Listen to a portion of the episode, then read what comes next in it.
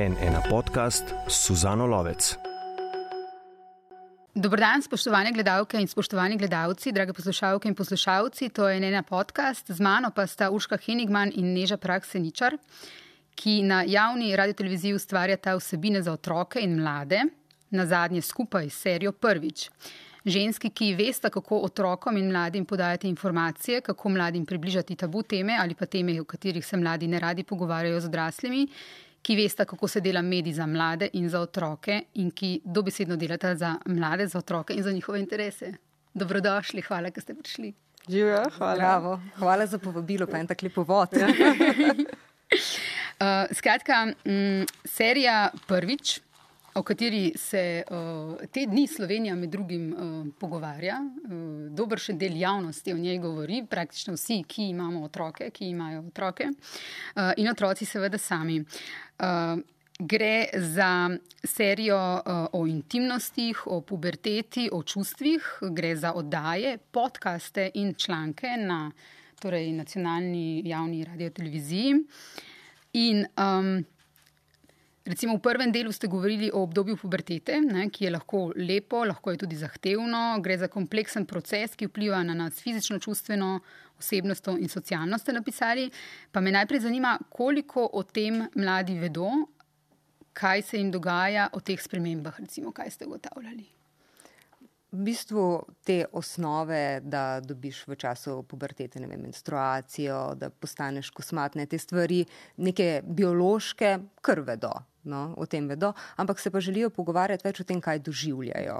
In to pa umanka v šolskem sistemu, tega ni, ne, tudi ta uh, spolno vzgoja je nekako medpredmetna, no, ali pa pri biologiji uh, ne izvedo ravno vsega tistega, kar se jim dogaja. Zato smo tudi v vodaji dali mogoče mal večji poudarek kot na sami biologiji, na čustvih in doživljanju. Ne. Kako se počutiš, ko se ti to zgodi, kakšno vprašanje imaš, da smo šli bolj v to smer. Tako da neke osnove vedo, si pa želijo poglobljenega pogovora in se mi zdi, da ta poglobljen pogovor, ki smo ga videli in še slišali v podkastu, pa kar kaže, no, da si želijo o tem več govoriti. Mhm. Pa tudi mogoče, da ja, imajo neke res te osnovne informacije, da pa potrebujejo in si želijo tudi um, več teh informacij tudi o biologiji, mm. tudi o spremembah v času pubertete, kdaj se začne, kdaj se konča.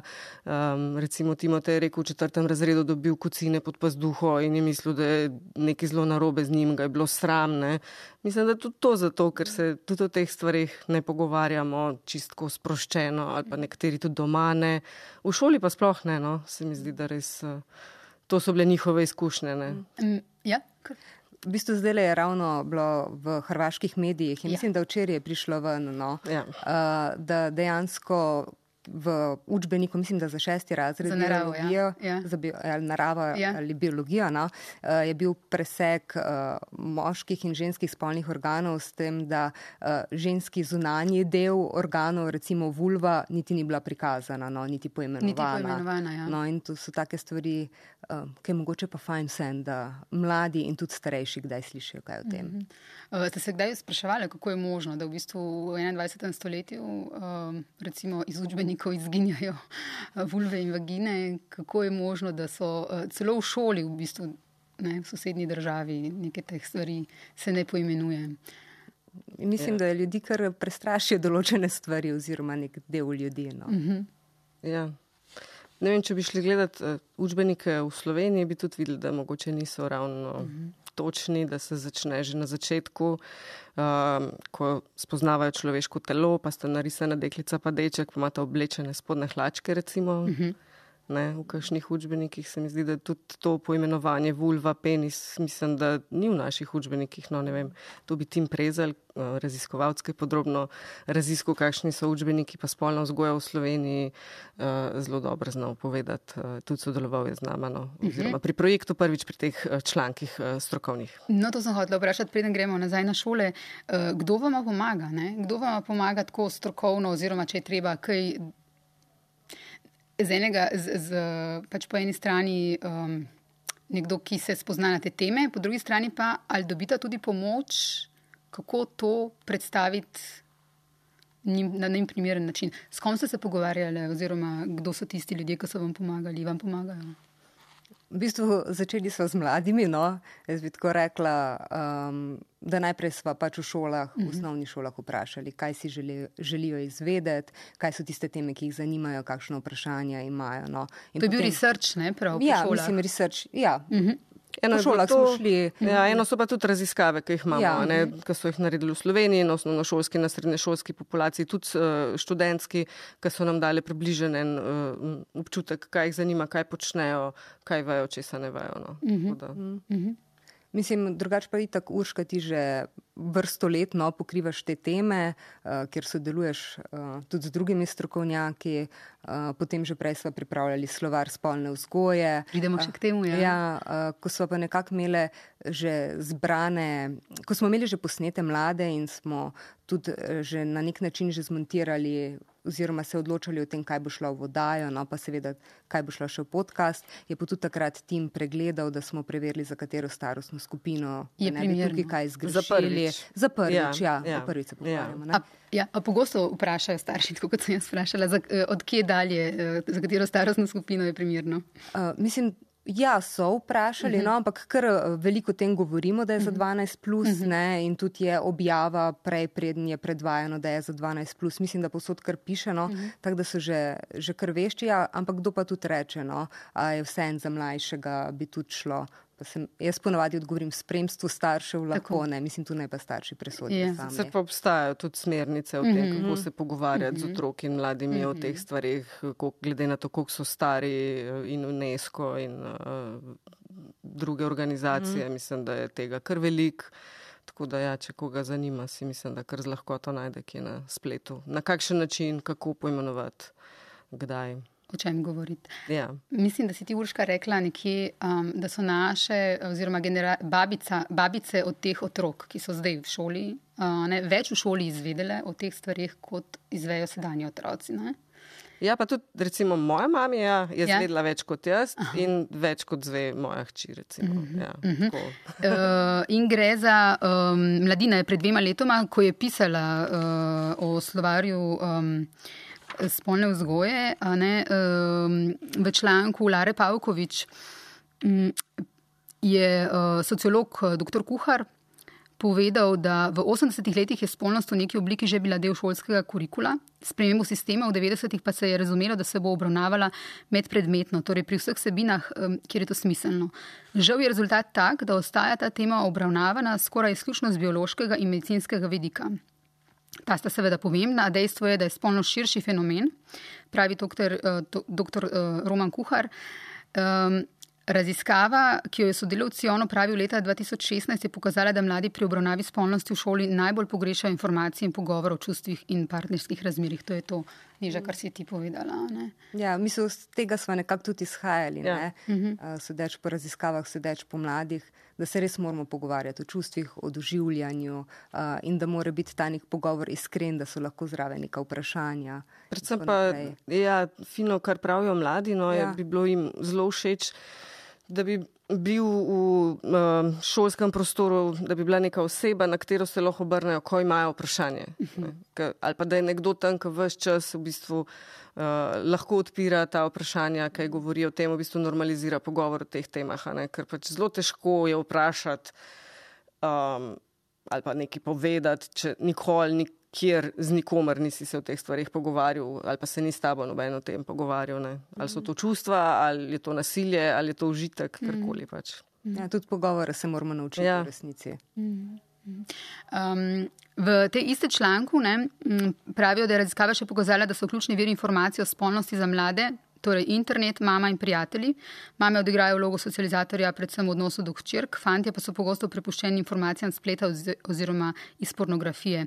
In doktor, doktor Kuha tukaj pravi, pornografija postaja pomemben socializator mladih, kar ima lahko negativne posledice, saj so pornografske podobe seksual, seksualnosti popačene. Pri mladih to povzroča nelagodje, imajo občutek, da morajo doseči standarde, kakršne prikazujejo ti pornografski filmi. Seveda ni rešitev v prepovedi pornografije, mladi so vedno in bodo vedno našli pot do nje, ampak raziskave kažejo, da rešitev niso niti abstinenčni programi in pripovedi, pač pa odkrit pogovor o spolnosti uh, v prostoru, kjer se mladi počutijo varne. In to se mi zdi v bistvu, uh, da ste vidve s temi oddajami ta prostor ustvarjali. Imate tudi vidve ta občutek, oziroma a so odzivi od otrok, od najstnikov in od staršev takšni, uh, da je v bistvu bil ustvarjen nek varen prostor, kjer se lahko pogovarjajo, ne, kjer dobijo informacije.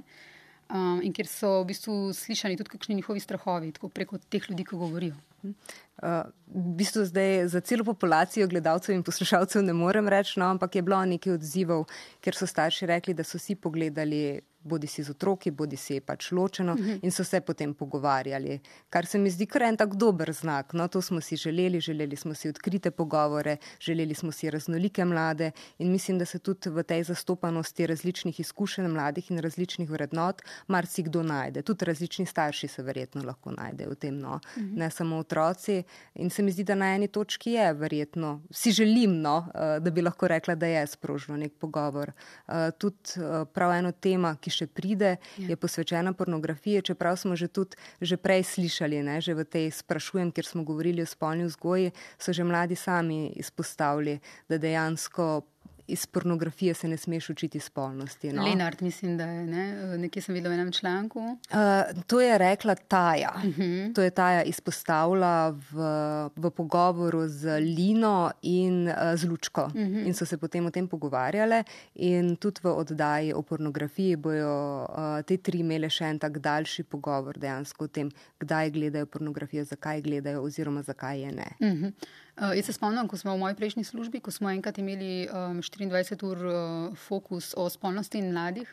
Uh, in je uh, ena ginekologinja razlagala, ne, tudi v kakšne stiske, recimo, mladi fanti lahko padejo, uh, ker se dobesedno primerjajo in ne, ne dosegajo standardov iz pornografskih filmov, ker jim v bistvu noben ni razložil, da je to fikcija. Ne. Ja, pa tudi punce, ne, tle smo tudi lahko slišali, oziroma smo že slišali, še bomo v prvi epizodi smo slišali, ne, kaj je Laura razlagala, Aha. da je imela prijateljce, ki so se zelo obremenjevali s tem, kako zgleda njihova vulva, je lepa ali ni lepa, ne, ker vemo, v pornografiji načeloma, ne, notranje ustnice na vulvi so manjše kot zunanje in to postavlja nek lepotni standard in pač vemo, da vulva se spreminja skozi vse mhm. življenje, ne, ene so take, druge so drugačne. Um, raznolikost je lepa. Raznolikost je lepa, ampak ja, tako fantje kot punce, ker punce tudi zelo pogosto gledajo mm. pornografijo, ne, ni zdaj, da sam fantje gledajo, mislim, da vse malo več kot punce, ampak tudi punce gledajo in tudi njim neke napačne predstave pornografija o spolnosti daje, predvsem od tem, ok, izgled je eno, drugo je pa tudi mogoče ta mainstream pornografija, ki je zelo nasilna,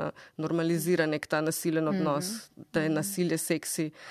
Mi hočemo pač s temi oddajami povedati, da so glasje seksi. Mm -hmm. ne pa pač.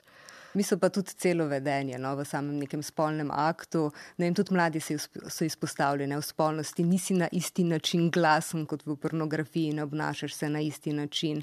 V bistvu velikrat si ti v odnosu z nekim človekom in se pogovarjaš vmes med samo spolnostjo, uh, da ni vse tako, kot da greš po nekem scenariju in si točno vejo, kam bo kdo položil kakšen del telesa. Ne.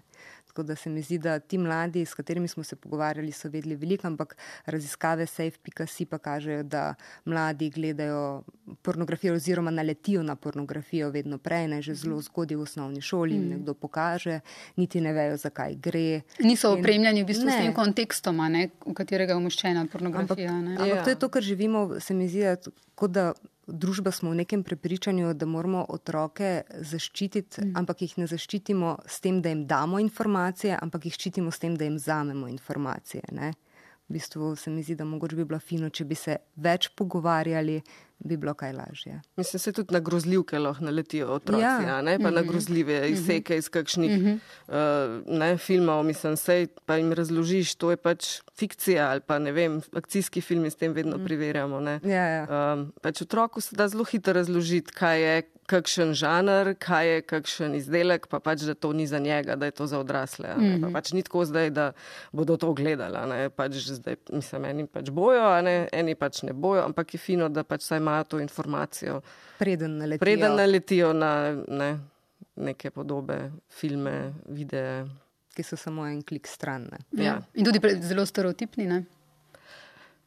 Ja, marsikaj je. No. Marsikaj je. Ne vem, mislim, da se je kar veliko. Ne vem, no. Tudi, ne vem, če ste videli v času, ko so imeli uveljavljeno, ko smo začeli dobivati kakšne slike ali pa videe, ne vem, je to. Ste imeli kdaj? Povej več. Kaj? en video je bil tako grozen, da, da imam še zdaj travme od tega Tako da svašta se dobi, no, pa deli, pa pošilja. Pa pač enim je smešno, ne, enim pa pač je grozljivo. No, tako da, Ja, pa mladi si pošiljajo med sabo Ja. te stvari. No. no, ja.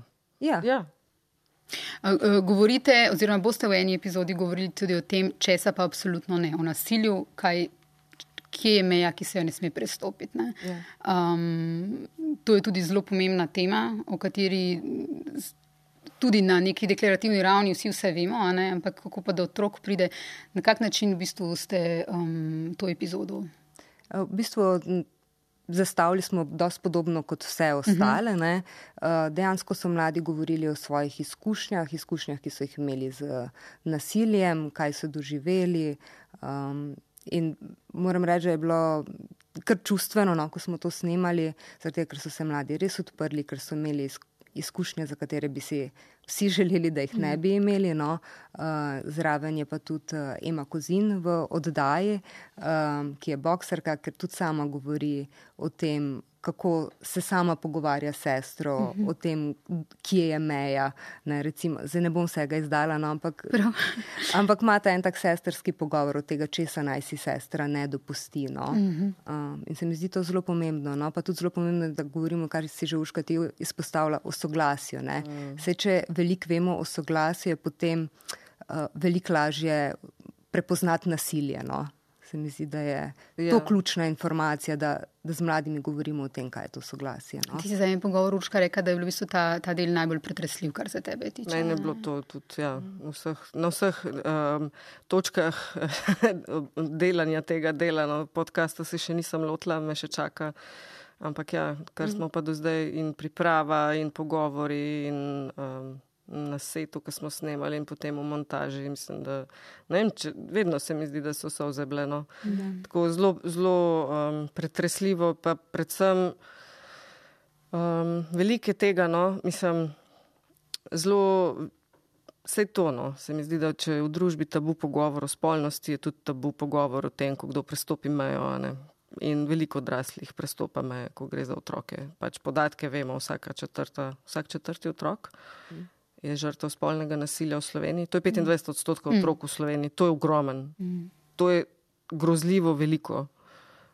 Um, in take so številke tudi po drugih državah. In ne vem, zakaj kot družba nismo sposobni se s tem soočati in se začeti eh, resno lotevati reševanja te problematike. Ali so to neki, ne vem, presejalni programi, ne, če jih imamo za vse možne stvari, zakaj jih nimamo tudi za to. Mislim, zakaj se tako bojimo stopiti v ta prostor, da bi zaščitili otroke. No, to, to jaz se s tem ubadam vprašanjem, pa nekako še kar ni. Nič se ne zgodi. No. Ne vem. Upam, da bo to. No.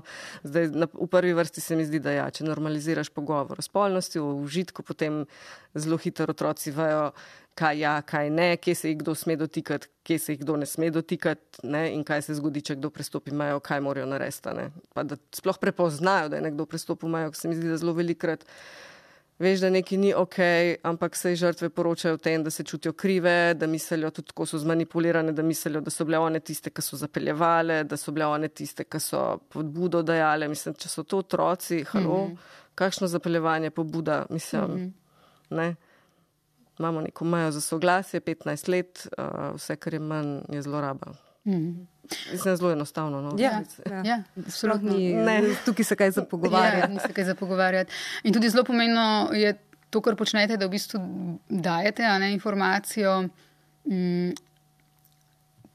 to ne, da v bistvu samo ja pomeni ja. Hočem reči, da lahko ti nekdo dela samo nekaj, česar si ti želiš. Ne? Tudi če je to tvoj fant, tvoja punca, da v bistvu ve, ve vsak zase. ne.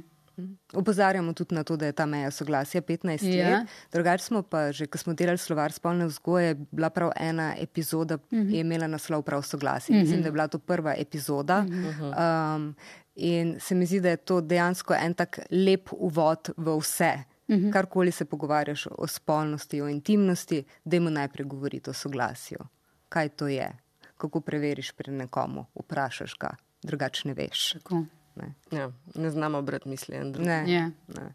Zato treba preveriti in mm. samo, če, v bistvu je člo, če sta oba za, je to. Ne.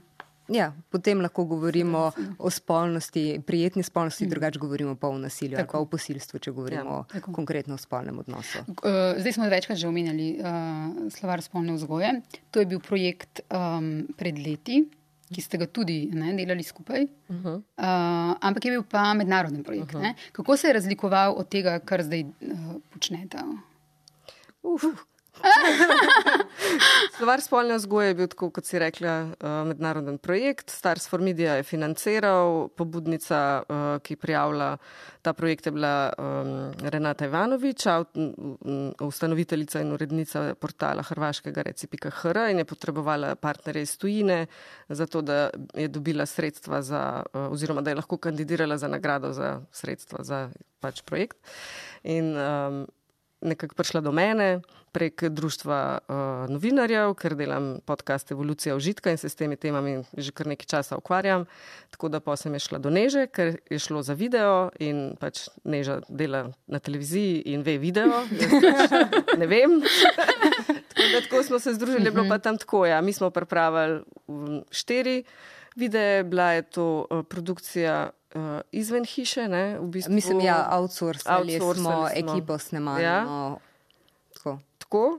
Ja. Pa um, vse, kar smo delali, smo delali v dogovarjanju z drugimi partnerkami. Uh -huh. In uh, to je vse potekalo prek Zuma, zato ker je bila epidemija. Uh -huh. tudi, Razen snemali smo dejansko. Snemali smo pač tam, pa še to z maskami, sem pač ja. na razdalji z maskami dol, tako da ja, je bilo tudi kar eno neko posebno. Um, ja. Doživetje. Pa tudi idejo je v bistvu Renata dost imela že izoblikovano, rekla, da hoče strokovnjaki in strokovnjaki in da hoče vsaj eno osebno izkušnjo uh, mlade osebe, ki o tem govori, o temi, v kateri bi delali, ne zdaj neža, kukor je um, pridna in delovna in zagnana.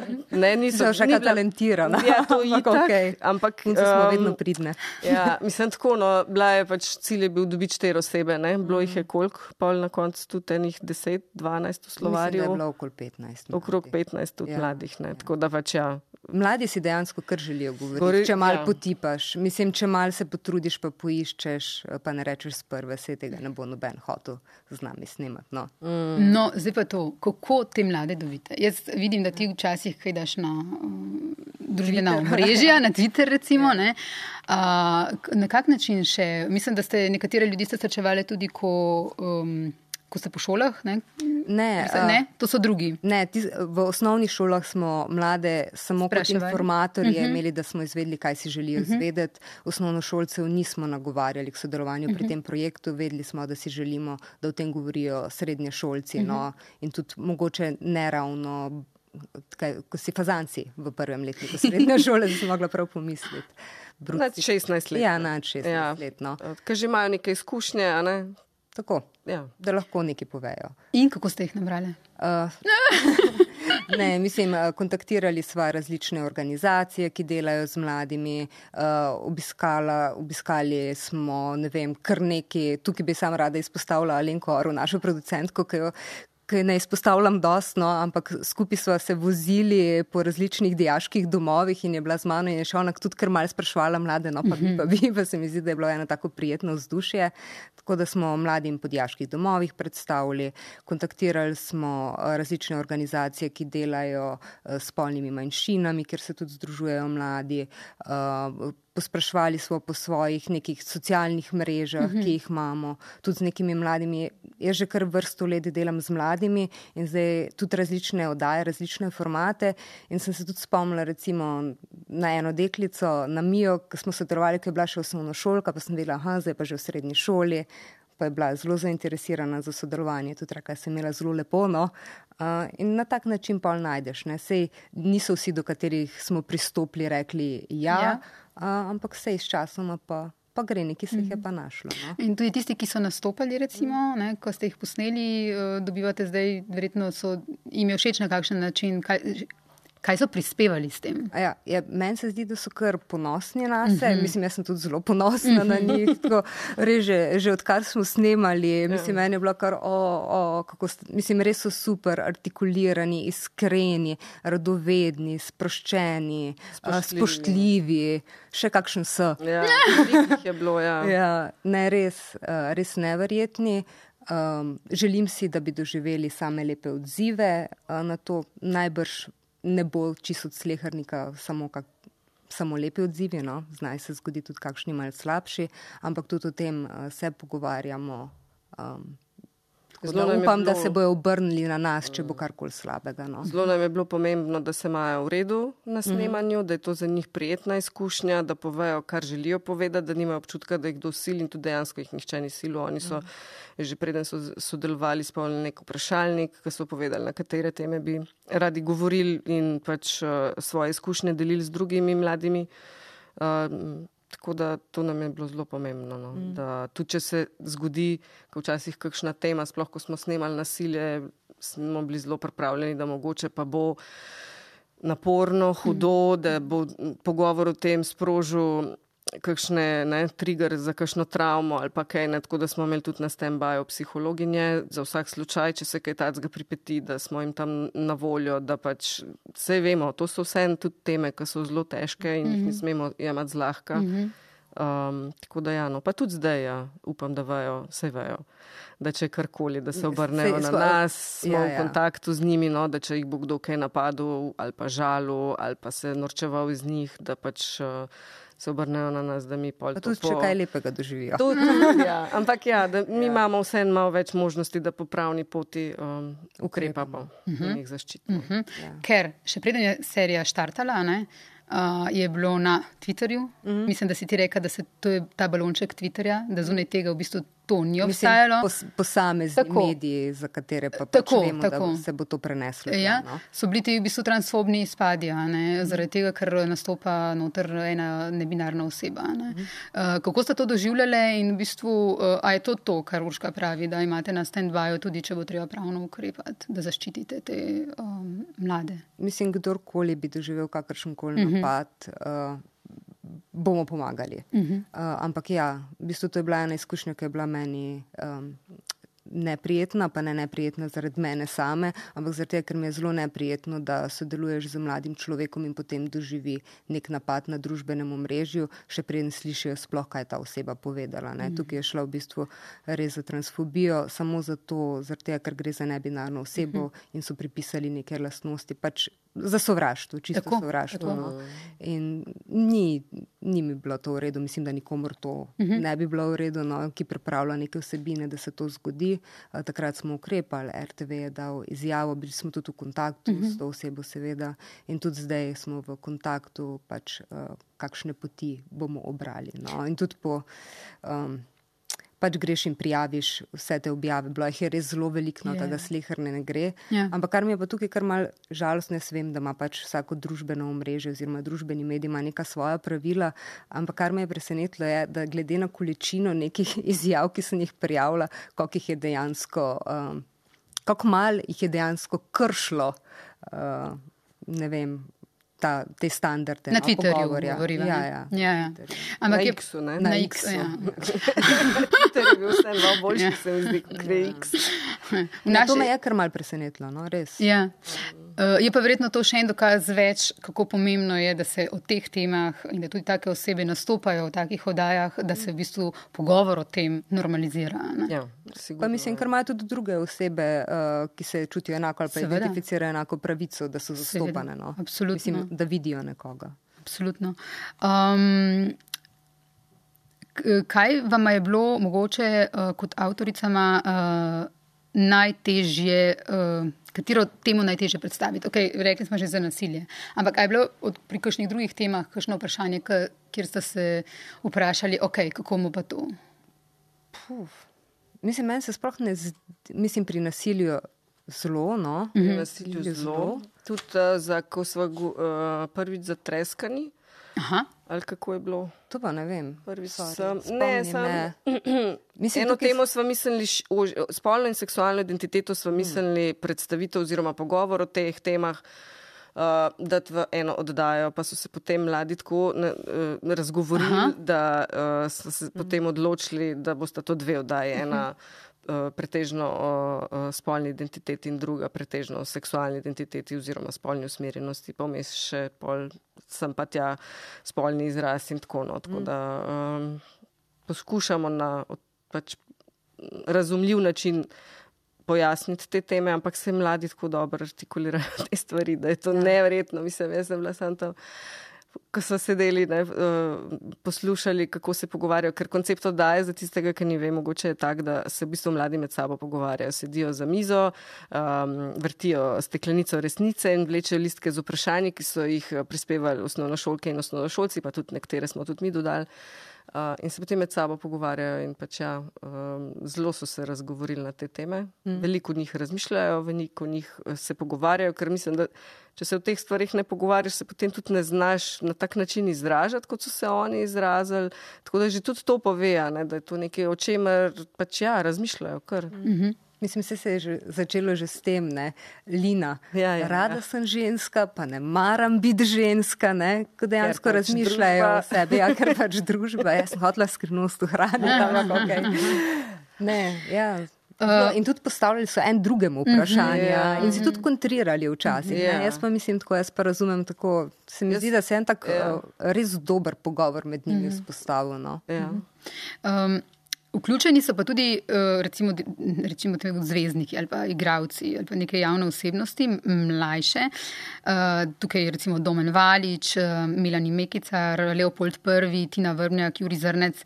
Um, namen, sta jih namenoma vključili zakaj? Mislim, da je vedno veliko lažje, če o neki temi, kjer je družbi narodno govoriti, spregovori tudi znana oseba, sploh če spregovori tudi znana oseba, ki je mladim blizu. Mm. Takrat se mi zdi, da potem rečemo, aha, ne vem, se Juri pa tudi govori o tem, pa je pa ok, ne mm. vem. Ali pa se ima kozin, boksarka tudi mm. govori o nasilju, pa je pa v redu, da se o tem pogovarjamo. Mm. Se mi zdi, da je bil to en moment, uh, pa tudi fajn je slišati včasih kakšno zgodbico, kakšne znane osebe. No, kaj se je pa konkretno zgodilo? No. Se mi zdi, da na, na to smo nekako ciljali. Mm -hmm. Ja, pa mogoče tudi ena ta prepoznavnost, ki jo imajo znane osebe, ja, ne, da se to pritegnejo ja. um, k ogledu uh, mm. še dodatno. No. Mm. Koliko časa nastaja recimo ena taka serija? Vi ste jih kar posneli, vi ste kar v kosu? Ja, ne, ne mi smo snemali, uh, ko smo enkrat pač našli te mlade sogovornike, ki so si želeli z nami sodelovati. Uh, smo potem snemali avgusta, snemali smo od 9. avgusta, se mi zdi. Ne, sedmega smo bili v Kopru. Ne, potem smo bili pa sedmega v Ljubljani.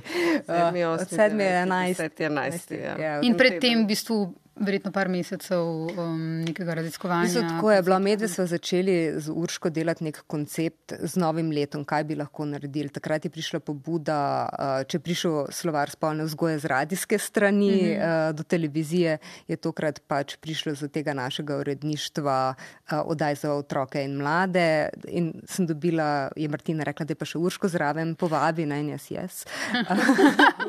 Super, upam, da bo rekla ja uh, in na moje veselje je. In potem smo pač nekaj časa razmišljali o nekih drugih konceptih in tako naprej, ampak pa da smo pa dejansko s tem konceptom. Prav so se štartali, je bilo pa nekje marc, maj, april, maj. maj. Ja. Ker predtem smo širše Še, razmišljali, ja. pa smo želeli, mogoče prijavljali smo se z enim projektom tudi na filmski sklad, ja. da bi pač filmski sklad uh, financiral dokumentarno serijo, ampak nismo dobili sredstev. Uh, ampak takrat še nismo vedeli, jih bomo dobili ali jih ne bomo. No, nima no, veze. Skratka, nima veze. No, Glavnem, pač... Prevrtavali so različne scenarije, kako ja. bi lahko to čim boljš naredili. Um, in potem nekje maja smo se lotili no, iskanja dejansko mladih, ne, raziskovanja, kaj, kaj konkretno bomo dali zdaj v posamezne oddaje uh, in pa iskanja mladih sogovornikov. Potem smo avgusta snemali teden dni uh, te mlade, ki, so, ki smo jih pač povabili v impro studio ali kako naj rečemo, no, na snemalni set, kjer so se pač družili v različnih skupinah. Tudi dajali smo nekatere potem v pare, da so se še bolj podrobno pogovorili o posameznih temah. Tudi kakšen intervju smo še zraven nasneli ena na ena, zaradi tega, ker smo dobili še neke dodatke dodatne informacije, pa tudi zaradi same slike, ne? zaradi tega je vendarle dinamično, če ti oseba še razloži še neko stvar bolj podrobno, pa da sama ti govori v kamero. Uh, potem smo pa snemali oktobra. oktobra. Prvi del, prvih pet, torej smo mi dve od tega avgusta morali prvih pet. Uh, zmontirati, ne, -hmm. mlade, ker so pol te znane osebe z nežo gledale mm in se odzivale, in tudi pač scenariji so bili takrat neže te ukvirni, tudi kaj ja. ti poveš. Uh, V pa bili decembra scenariji, so bili kar, ja. Pa, pa v bistvu decembra, pa ta drugih pet, ne. ampak to Tako. v bistvu vse čas je, ne, tako, uh, ker delava zraven še druge uh, stvari Mhm. mm, in na televiziji, in na radiju, tako da Mhm. pač je skozi pol malo to zdaj, ker malo hektično, malo si v montaži, malo. Jaz sem zelo vesela. Snemaš video spot, malo, ne vem, pišeš scenarij, tako je zelo um, dinamično. Dinamično. Mm, dinamično. No, prihajamo k tem eh, drugim stvarem. Uh, Neža, tebe verjetno vsi najbolj poznajo po infodromu. ne? Mm. Uh, kako je v uh, leta 2024 uh, v bistvu dajati informacije preko televizije otrokom in mladim? Kakšna znanost je to? Namreč, tako sem mislila. Uh, namreč, kar nam pripovedujejo mladi, uh, ki pridejo, recimo, včasih sem na obisk, pa to so že ljudje, ki v bistvu študirajo, a ne? ampak za mlajše generacije pa velja še toliko bolj, oni v bistvu medije ne konzumirajo na več na enak način, kot smo jih mi. Absolutno ne. Uh, ampak uh, vedno bolj so pomembni tukaj družbeni mediji in preko njih prihajajo informacije do njih. a ne. Torej, čla, tudi če gre za novinarski članek, ne, ki ga bodo brali, ga bodo, obstaja velika verjetnost, da ga bodo v bistvu ne brali na uh, spletni strani, ali pa, ne, ampak da bo v bistvu preko enega od om, omrežij do njih prišel. a ne. Ja, ja, se tudi, ko mi mlade vprašamo, kje spremljate novice, reče na Instagramu. Tako. Tako da to ni za, za me. raziskave. kažejo, Ja, ja, pač to ni- ja, reprezentat- ja. In E, Mislim, tega se mi zelo dobro zavedamo, Ja. da se to dogaja, zato tudi uh, vsebine, ki jih pripravljamo, seveda, zdaj bom rekla, zapakiramo no, kot infodrom um, v oddajo. Ne, na tem zelo dobro bdi Tina Antončič, uh, super urednica, ampak potem pa imamo še tukaj segment družbenih omrežij oziroma mhm. družbenih medijev, to pa dela Mateja Leban, tudi krasna kolegica. In imamo tako TikTok, kamor dajemo vsebine, uh, Instagram, YouTube. Zdaj pa naša ideja ni, da morajo mladi na te platforme iti, ampak naša ideja je nekako, da če so mladi na teh platformah, naj bo vsaj nekje nek prostor, kjer dobijo informacije, ki bi lahko bile za njih zanimive, ali pa mi presodimo, da bi bilo fino, da bi jih imeli. Hmm. No, in zato smo pač prisotni tudi na teh omrežjih. Na teh omrežjih moram reči, da kar velik mladih očitno poišče informacije, tudi na teh platformah, čist hudo. Ne? Tu smo dejansko tudi z radijem povezani, ne? ker tudi radio ustvarja za mlade. Tako da recimo TikTok imamo mi kar skupen, ne? da čim več delamo, čim bolj skupaj. To je vse za nekje za osnovno šolce, no? nekako ali pa do prvi, drugi letnik srednje šole. Uh, tako da zelo delamo na tem in tudi mi, ko, ko delaš prispevek, ne razmišljaš, zdaj jaz delam televizijo, ampak mi razmišljamo, kaj je tisto, kar mlade zanima in kako upovedati tako, da jim bo zanimivo, ne da pri tem izgubiš pomembne informacije. No, in zdaj, ne vem, zdaj, če sem kar mogoče malo plastična, ful velik je tako. Prvič, drugič, tretjič, ne, ko naštevaš neke stvari, ne, to je mladim zelo blizu. Uh -huh, uh -huh. Vem, pa pa če neke druge stvari popaziš, da so narejene čim bolj na tak način, da, um, da bojo zapazili oziroma da bojo odnesli nekaj od teh informacij. Je pa tudi še ena druga stvar. Ne. Pri infodromu veliko stvari uh, imamo nekih razlagalnih, kjer pojasnjujemo. Ne vem, neka zgodovinska dejstva Ja, ali vojno, neke aktualne vse, stvari. ja. Vse. No, in tukaj zelo velikrat nam poročajo iz šol, pa tudi sami mladi, ko pridejo tudi na obisk, da je v uredništvo. Ja, se pri slovenščini vas gledamo, pa pri zgodovini vas gledamo. No. Tako da je to tudi en uporaben material mm. um, za šole. Z, tako da se mi ne zdi, da bi mogli zdaj mi kot ustvarjalci razmišljati samo o tem, okay, kdo bo zdaj v tem uh, času predvajanja pred TV ekranom, ampak res, kaj lahko ta vsebina doprinese. No? -hmm. Ker je to ta uh, vprašanje ne, za, za milijon dolarjev. Torej, če želimo še naprej informirane um, bralce, gledalce oziroma uporabnike družbenih omrežij, torej državljane, ne, te od, ti, ti, ki so zdaj otroci, ko bodo oni odrasli, bodo medije še bolj na drugačen način konzumirali, kot jih mi zdaj ali pa kot smo jih mi včasih pa sploh. Uh, in kako se moramo v bistvu mi, ki zdaj ustvarjamo, prilagoditi že temu dejstvu, da je pošta, ne, to, kar ti dostavi, uh, drugačna, kot je, kot, je bil, kot je bilo včasih. ne. Čeprav pa jaz pa tukaj imam pa vedno tudi pomislek, ne? mladi še vedno zelo radi tudi hodijo v kino uh -huh. in tudi radi grejo v ta mestni kino uh -huh. ali pa si pogledajo art filme, gledajo lutkovne predstave, uh, gledališke predstave. Tako da se mi zdi, da tudi ni treba, da je vedno vse uh, šopano. Kako ne rečem, da mora biti vse na hitre kadre in vse zelo, ok, mladim je to všeč. Mladi so kar sposobni sprocesirati tudi daljše stvari, no, če imajo le podporo nekega okolja, ki jih uh, v tem vzgaja. Uh mhm. -huh. Pa poskrbeti moramo tudi za to, da bodo digitalne platforme varne za mlade. Mm -hmm. To na ravni Evropske unije se kar dosti dogaja, imamo akt o digitalnih storitvah, kar v redu ščiti mlade, ampak ja, uh, mislim, da se morajo tle odločevalke in odločevalci res potruditi in zahtevati od uh, spletnih gigantov, da ne samo za mlade, ampak za vse nas pač ustvarjajo neko okolje, ki uh, nam bo pač, ne vem, ki nam ne bo škodilo, no, mm -hmm. na tej točki, kjer smo zdaj pač je zelo velik dezinformacij, propagande, zapiranje v mehurčke, vse vemo. Ne? Tako da pač to so stvari, ki so škodljive za celotno družbo. Sej, ok, na mladih svet stoji, jih vzgajamo, ampak vsta čas smo tudi mi tisti, ki to uporabljamo. In trenutno pač so tudi. Zdravniki, ki gledajo veliko na telefon, pa jim to jemlje, krati pozornost, so to tudi pravnice, pravniki, so to tudi odvetnice, odvetniki, so to tudi političarki, politiki, pač vsi so vsako enemu svojemu histeričnemu mehurčku. Uh -huh. In to sigurno vpliva na to, kako družba funkcionira. Ker algoritmi so pa narejeni tako, da v bistvu okrepijo ja, ja, te ja. razlike. No, sej, ja. Vse vemo. S tem ne, se hranijo. Da, ja, fajn se ukvarjati z mladimi, pa poskrbeti, da bo varno okolje za njih, ampak dajmo se potruditi, da bo tudi za nas. Uh -huh. uh, Urška, ti pa med drugim pripravljaš že omenjen uh, na nacionalnem radiju podcast Evolucija užitka, si njegova avtorica.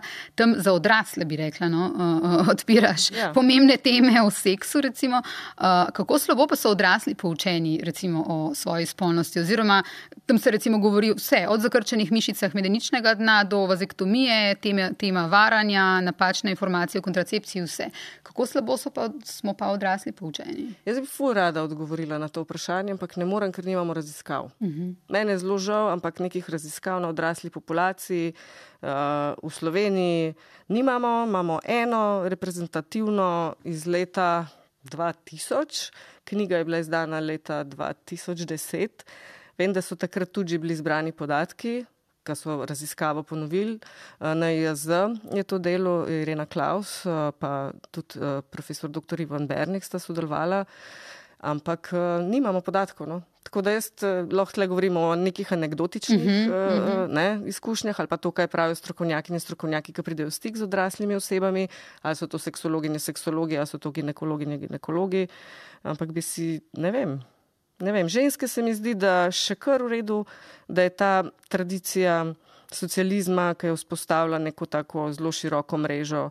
Um, dispanzerjev za žene, se je takrat rekla, ja. skratka, ginekoloških ordinacij. Uh, da to je bil tudi en tak uh, super, super stvar, no, da so se ženske tam poučile o svojem telesu, o svojem zdravju.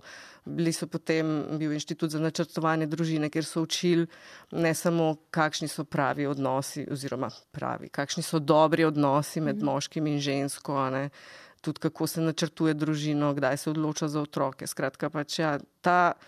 Eh, tradicija tega, zapuščina tega, v bistvu se prenaša iz mam na hčerke. Um, tako da ja, na nekih teh javno-zdravstvenih, pač vse vemo, da gremo lahko ginekologi in ginekologu, da imamo pravico do kontracepcije, ki je brezplačna oziroma je vključena v obvezno zdravstveno zavarovanje. Um, Ne, ne vem pa nek čistko, kot odrasli. Jaz mislim, da te teme, ki jih jaz odpiram, um, ne vem. So, so zanimive. So, mislim, če je meni zanimivo, se mi zdi, da izhajam iz sebe, no, ker delam to oddajo. Če, če, uh, pa tudi srečo imam, no, da v bistvu lahko pridem do teh strokovnjakin in strokovnjakov. Zdaj sem se udeležila dva kongresa Evropskega združenja za spolno medicino, en je bil v Ljubljani, en je bil v Rotterdamu um, lani. Uh, pa tudi sicer se mi zdi, da um, ljudje v Sloveniji, ki se s tem ukvarjajo, zelo z veseljem rečejo ja in pač. Mm -hmm. uh, privolijo v pogovor, ki ga potem uporabljam za različne oddaje, tudi za evolucijo užitka.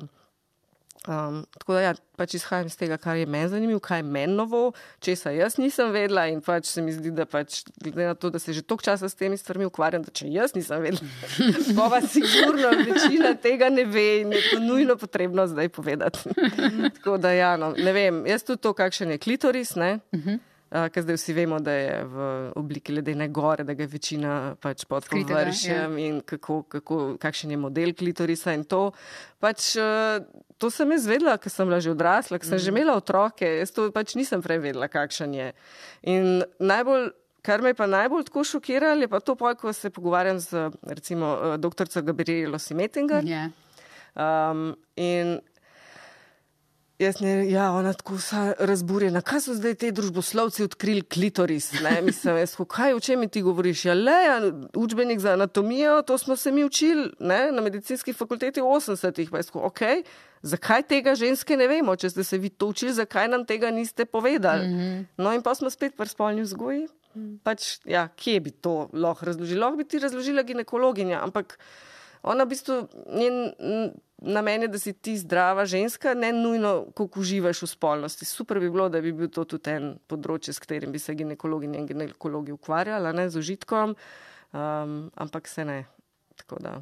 Mm ne se lahko še ful govorim. Mislim, se vedno te vprašajo, sicer vse je moje izkušnje, so takšne, a je kakšna težava, mm -hmm. ampak če ti nimaš osnovnih ja, informacij, tudi ne moreš vedeti. Ja, ali težava je. Težava. Kaj pa je težava, kaj ja. pa je normalno, kaj ja. pa ni normalno, oziroma kaj je zame težava. Tako ja. se mi zdi, da tudi.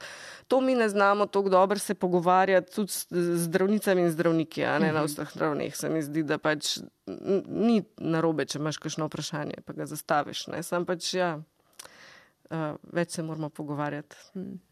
Tako kot so mladi v uh, vajnih oddajah.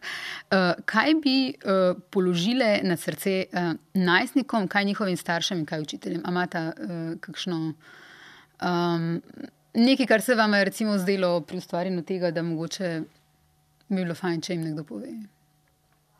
Hm. Mislim, mladi so toliko fajn stvari povedali, ja. jaz sem zdaj le kar malo zadregi. Predvsem se mi zdi, da je fino, da vejo, da je to lahko eno zelo lepo obdobje, da se ful dobri stvari zgodi, um, da je treba imeti samo mogoče prave informacije in takrat, ko gre kaj narobe, da nekomu poveš. In stiskam pesti, da to, kar mladim govorimo, povejte odraslim, da bojo pomagali, da to v resničnem svetu tudi drži. Uh mhm. -huh.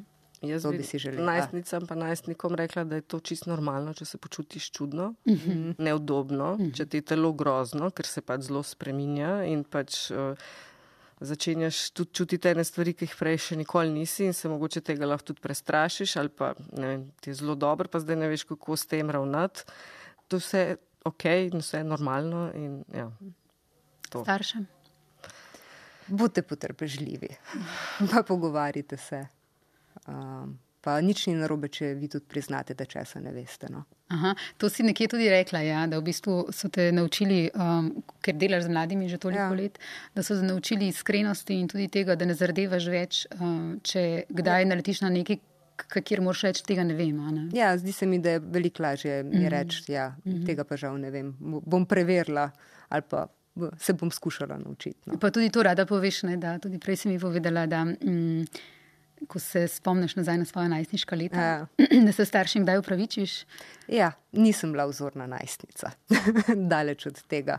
Ampak uh, sem vesela, da smo, dobro, mislim, da smo uspešno prejadrali to obdobje starši in zdaj pač včasih, kar rečem tako malo mami. Predvsem več se mi zdi, da mami kot očetu, no pa bi očetu mhm. tudi verjetno mogla. Uh, da, se, da mi je žal, no, da sem bila naporna, pa zdaj tudi mama reče, pa se ni bilo tako hudo. No, uh mhm. -huh. Čeprav bi se lahko malo lepše in boljše obnašala. Ampak to je fora najstniška. Ja, ja, da si vem. pač upornik, da se ti gradijo. Samo eni so pa kar pridni. pa pa in kdaj kasneje, kaj ven but nekaj drugega. Jaz mislim, da. Dober. No. Zdaj bom pa potrlašena. No, Jaz bi staršem ja. rekla, gledajte um, vsebine, ki jih pripravljamo na mhm. RTV za mlade, z mladimi skupaj ali pa posebej.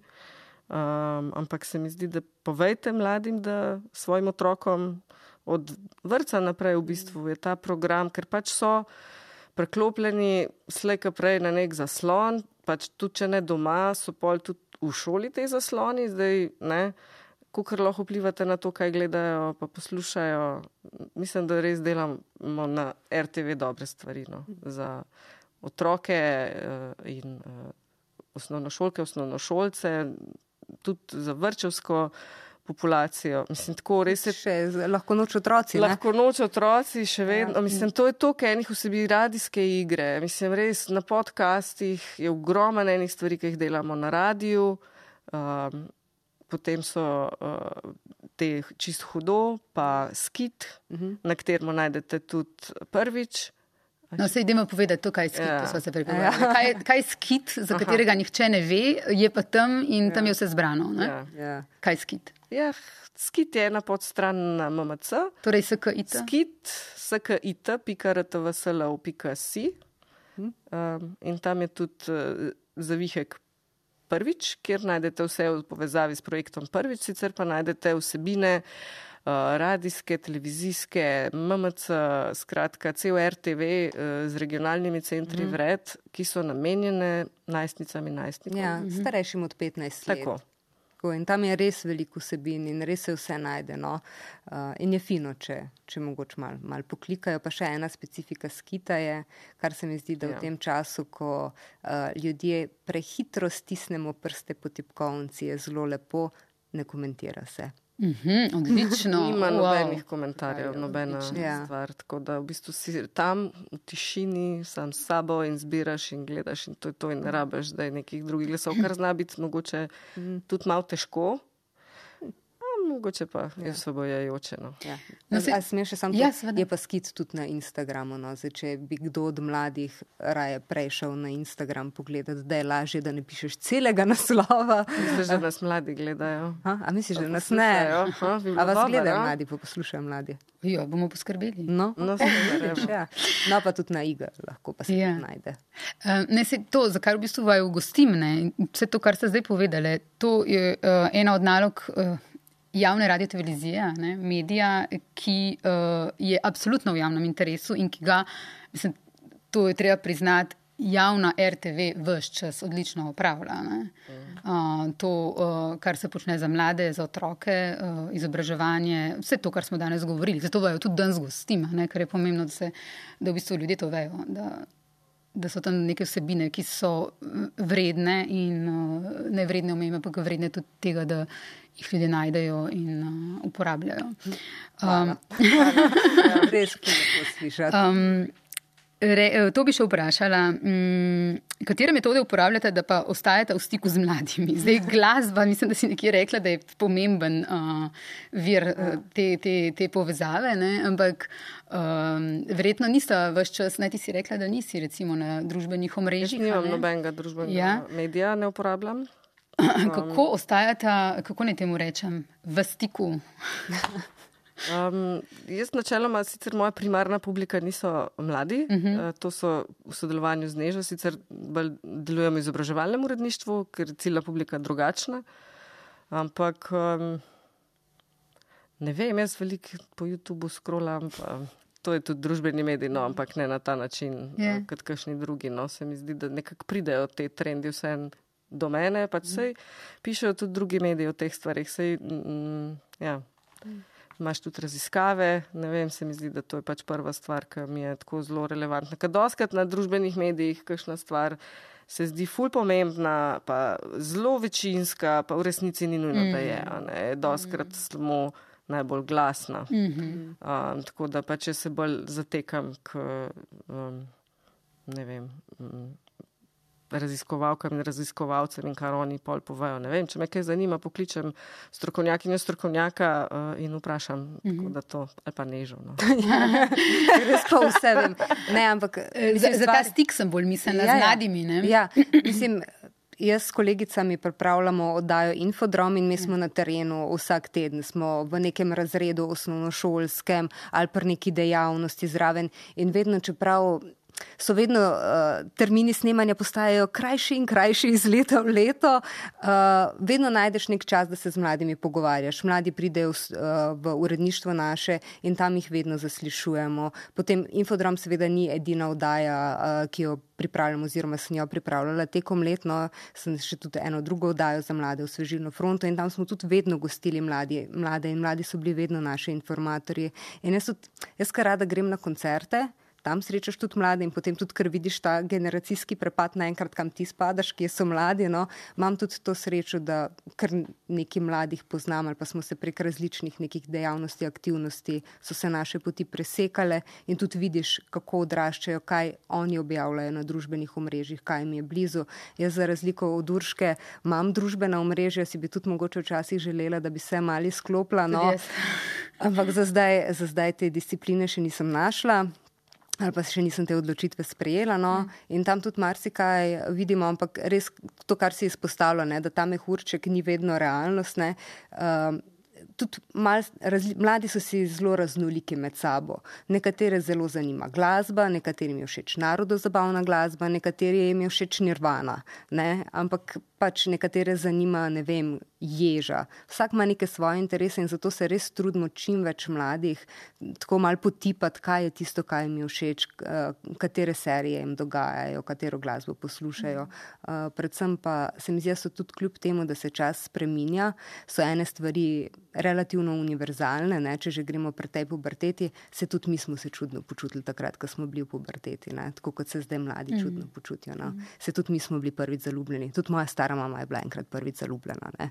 in tudi z njo se lahko pogovarjamo o tem. Ne? To so ene stvari, ki, ki pač grejo iz generacije v generacijo in se mi zdi, da so pač vedno zanimive, ker so človeške. Mm -hmm. um, si pa ti pripravljala, mislim, veliko delo ste upravili na uh, televiziji in radiju, uh, tudi v času korone, na kak način ste obveščali uh, otroke v bistvu o tem, kar se dogaja. Prej si malo opisovala. Ja, ja. Ja, je bil nek specifičen čas, ne? tudi za otroke, ki so doma bili mm. v mhm. bistvu uh, ločeni od svojih razredov, mesece in mesece nekateri. Ne? Um, in je bil specifičen čas, uh, tudi kje so oni dobivali informacije o tem, kaj se dogaja. Ne? Ja, takrat smo pripravljali izodrom. Moram reči, da takrat smo zelo veliko tudi razmišljali o tem, ker so nam. V bistvu so nam mladi pošiljali, pošiljali posnetke, kaj delajo. Mm -hmm. In zelo veliko smo se uh, v uredništvu s Tino in Matejo pogovarjali o tem, da ti dobiš posnetek od otroka, ki ima telefon, ki ima starše, ki mu malo pomagajo pri tem, uh, ki ima spodbudo, da to naredi, ki ima dosti dober internet, da ti lahko mm. pošle. Ne? Zdaj, mogoče se zdi komu čudno, ne? ampak v Sloveniji imamo veliko črnih lukenj, kjer tega uh, ni pokritosti. Ne? Druga stvar je pa, varni so bili doma. Ne? Nekateri mladi niso imeli te, te dobre izkušnje, in zdaj, če začnem s tem, ne, najbolj nas je bolelo tisto, um, o čemer mogoče ne moramo poročati, ali pa katerim otrokom pa mogoče ne moramo dati neke vsebine. No. Drugače smo pa ja, vsak dan smo pripravljali oddajo izo, izodrom, celo uredništvo, otroške, uh, uredništva za otroke, oddaj za otroke in mlade, naše ime se spreminja in jaz se ga moram vsakeč znova učiti. Um, in tam smo pripravili neki izobraževalni del, kar je bilo kot nek šolski pouk, ne ena ura, da smo nekaj ponovili, nekaj se naučili, ampak na tak en zabaven način. Imeli smo pa tudi en informativni infodromov del, uh, kjer smo pa pripravili novice, vse, kar se je pač dogajalo s samim koronavirusom, oziroma kaj so povedali raziskave, smo se trudili prevesti v jezik. Uh, jaz se včasih pohecam, ki ga razumemo tudi odrasli. No? Mm -hmm. Zato, ker se pač vedno, kar rečemo, bolj preprosto za otroke, v resnici pa tudi odraslim fajn, če je nekdo nekaj razložiti, kot da razumeš. Sploh, če yeah. mora ja. biti razloženo v minuti 30, v dveh minutah. Uh, je težje biti zelo kompleksno. No? Je v bistvu težje ja. napisati nekaj, pa razložiti otroku, vsebi težke ja. stvari, v, na kratko in po, na otroški način, kot pa napisati članek za odraslega. Ne? Ker v bistvu moraš zelo jasno, ti mora biti vse, od začetka do konca, če hočeš mm. otroku povedati. No? In se tudi v bistvu neke stvari, ko jih otroku razlagaš, mm. ali pa najstniku, mm. v bistvu tudi tebi postanejo jasno, ker, mm. ker ko te otrok vpraša, se taka je moja izkušnja. Uh, Moš res sam pri sebi razmisliti, kaj o tem misliš in kaj o tem veš. Mm. Pa nič hudega, če kdaj rečeš, čakaj, vem, da razmislim, da bom odgovorila jutri. Um, to je tema, ki bi si jo rada mogoče najprej pri sebi razčistila, pa pa se pogovorimo, to je to čisto ok. mm. ne, čeprav tukaj pa jaz še rada eno stvar izpostavila. Mislim, ja, vedno, ko neke stvari razlagaš, sploh takšne, ki so zelo kompleksne. Um, In recimo, da se pač potrudiš in raziščeš, da boš res vse prav povedal, je meni vedno tudi zelo fino, zato ker se mi zdi, da je tudi ta neka znanstvena skupnost Slovenije postala že toliko odprta, uh -huh. da lahko res pokličeš vrhunskega uh -huh. strokovnjaka in mu rečeš, tole sem, uh, ali pa strokovnjakinjo seveda, tole imam razlago za 12-letnika, 12-letnico, a lahko prosim pogledate, pa preverite, da se slučajno ne bi v tej poenostavitvi poenostavljanju, kaj zgodila napaka ali pa zgodila mm -hmm. napaka, no? mm -hmm. kakorkoli to imenujemo. No? In ne vem, če sem kdaj doživela kakšno zavrnitev, mm. sploh pa v tem korona času. Mogoče kdaj kdo spregledal ali pa ni bil dosegljiv, ampak načeloma so pa zelo odzivni in to se mi zdi tudi ena tako zelo pomembna stvar, tega, ker namen znan, znanosti je tudi, da, da vsi nekaj izvemo več, ne, mm. ne samo raziskovalci. Tako da to mi je kar, kar lepo, se mi zdi. Preden končamo, kaj je um, slem poezija in kaj ja. pomeni? uh, namreč bila si. Uh, Ja, pred leti, državna prvakinja v slem poeziji. Zdaj odhajam na Cipr na mednarodno tekmovanje v slem poeziji. Ene štiri maile sem že dobila, ker zamujam s pesmimi, okay. ampak sem jih snoči poslala. Uh, v bistvu pač jaz občasno kaj napišem rada, mi um, je to všeč.